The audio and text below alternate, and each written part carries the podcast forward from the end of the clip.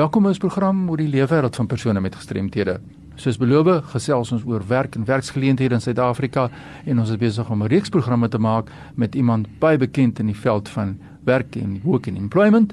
Michael Bagan, baie dankie dat jy gekom het. Thanks for your time. Thank you. Thanks once again for having me here again. I'm loving these programs and let's make sure that when people listen that they actually feel they're getting something practical, some practical advice from us. Ja, ons gaan 'n bietjie agtergrond gee en dan gaan ons later luisteraars moet hulle ore spits. Ons gaan praktiese vrae hanteer soos Michael van die eerste program vir ons verduidelik het. Ons gaan kyk na indiensneming en die advertensieprosesse en dis meer en wat gebeur met dissipline binne in die werkplek uit die gestremde se perspektief. But Michael In 2015, we signed the white paper on the rights of persons with disabilities, and specifically paragraph 6.5.1.2 deals with access to decent work and employment opportunities. En dis wat ons tog wil hê, ons wil goeie werkgeleenthede op 'n gelyke basis.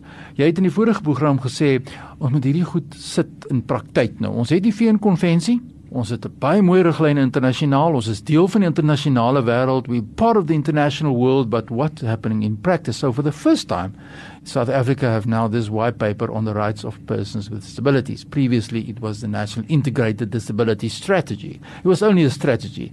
The white paper is a wonderful development that happened in South Africa. What is your opinion about the white paper and how we must see this process further? Thank you. Yes, it's absolutely important and it's it's a groundbreaking document, the white paper, following on the agreement structured in the United Nations and which South Africa accepted, we then have to put it into practical terms into a document here in South Africa, and that's what we did in two health in terms of that clause that you referred to with people with disabilities. And it's trying to move us away from saying we've got to help people with disabilities, rather it's looking at making the easier way into the workplace and treating people with disabilities as an absolute asset in your firm. And, and quite frankly, reading this white paper, I've been, in practical terms, I've been finding this at the workplace. When people have entered the workplace who have some disability, they then become a major asset to the employer.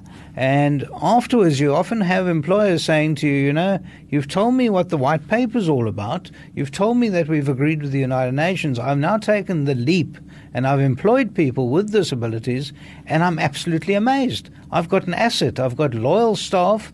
I've got staff who can perform the functions, who are willing and able to learn whatever's necessary to learn.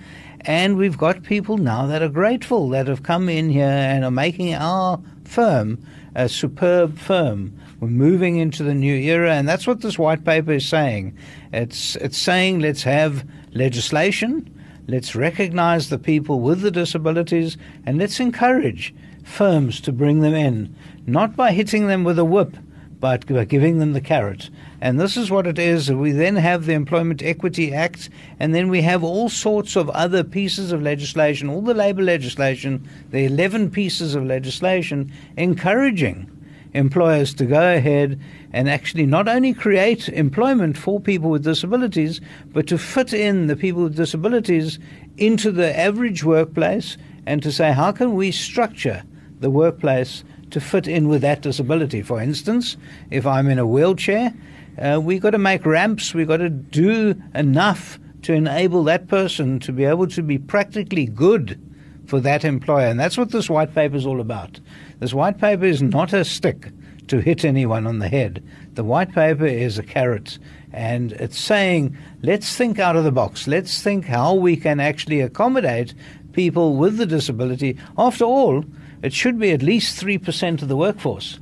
And if you're taking 3% of the workforce and you're saying we're going to discard those skills, well, you're doing yourself a disfavor as an employer if you're saying, I can't choose who I need, who's got the skills. Wat vir my baie interessant is van die wetskrif is dat die wetskrif sê watter prosesse gevolg kan word.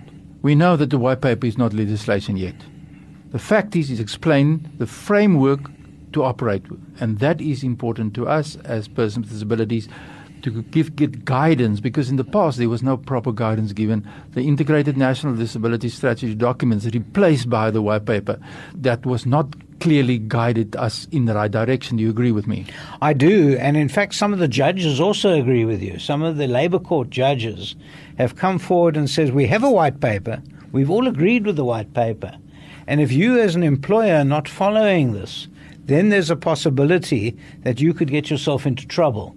So, although it's not law, the judges have sat up and looked at this. I know that uh, when arguments are led in our courts, in our tribunals, uh, in the CCMA, when those arguments are led, people do refer yeah. to this white paper.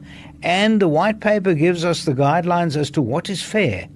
Remember, our labour law is not law per se. Our labour law is equity and fairness. Yes. In other words, it goes beyond law. What is fair to the individual? What would be fair to you is fair to me. And that's what the law is all about. Very interesting, the issue of equity, uh, justice. People talk about equality, and that was so much used in the past, equality, but actually we need equity and justice. And when justice comes in, is the issue of identity and I think the white paper clearly explained to us to respect the different kinds of impairments or the types of impairments that was previously marginalized. And that is also a breakthrough, identifying specific the groups of impairments that people feel uncertain. For example, epilepsy. Epilepsy was not actually part of uh, a group now, neurological impairments is specifically identified in the white paper, and so on, as far as hearing impairment as well. So, do you agree with me that there's no specific guidelines on how to, to deal with the specific impairments in terms of reasonability? Absolutely. We all know that, for instance, if someone uh, comes forward as an epileptic, you will never know that. That's You'll right. never know that. So employers are very suspicious. They, they say, well, in a wheelchair, I can see you in a wheelchair, and I can know that what I'm getting and what I intend to do.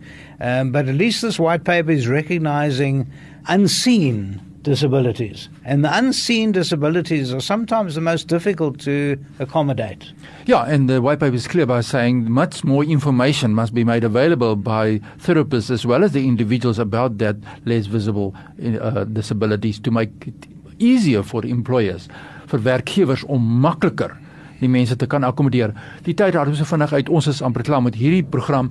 Michael, so thank you so much for making your time available. Next week we're going to tackle practical issues, practical questions coming from the community. Baie dankie dat jy gekom het. Gee vir ons net jou kontakbesonderhede deur as mense jou wil e-pos dalk of hulle kan my werk daar waar kry van die hande. Thank you very much, and thank you once again for having me on air. It's Michael is my email address. Michael M I C H A E L at Bagrams B A G R A I M S dot co dot za. Michael at Bagrams co.za.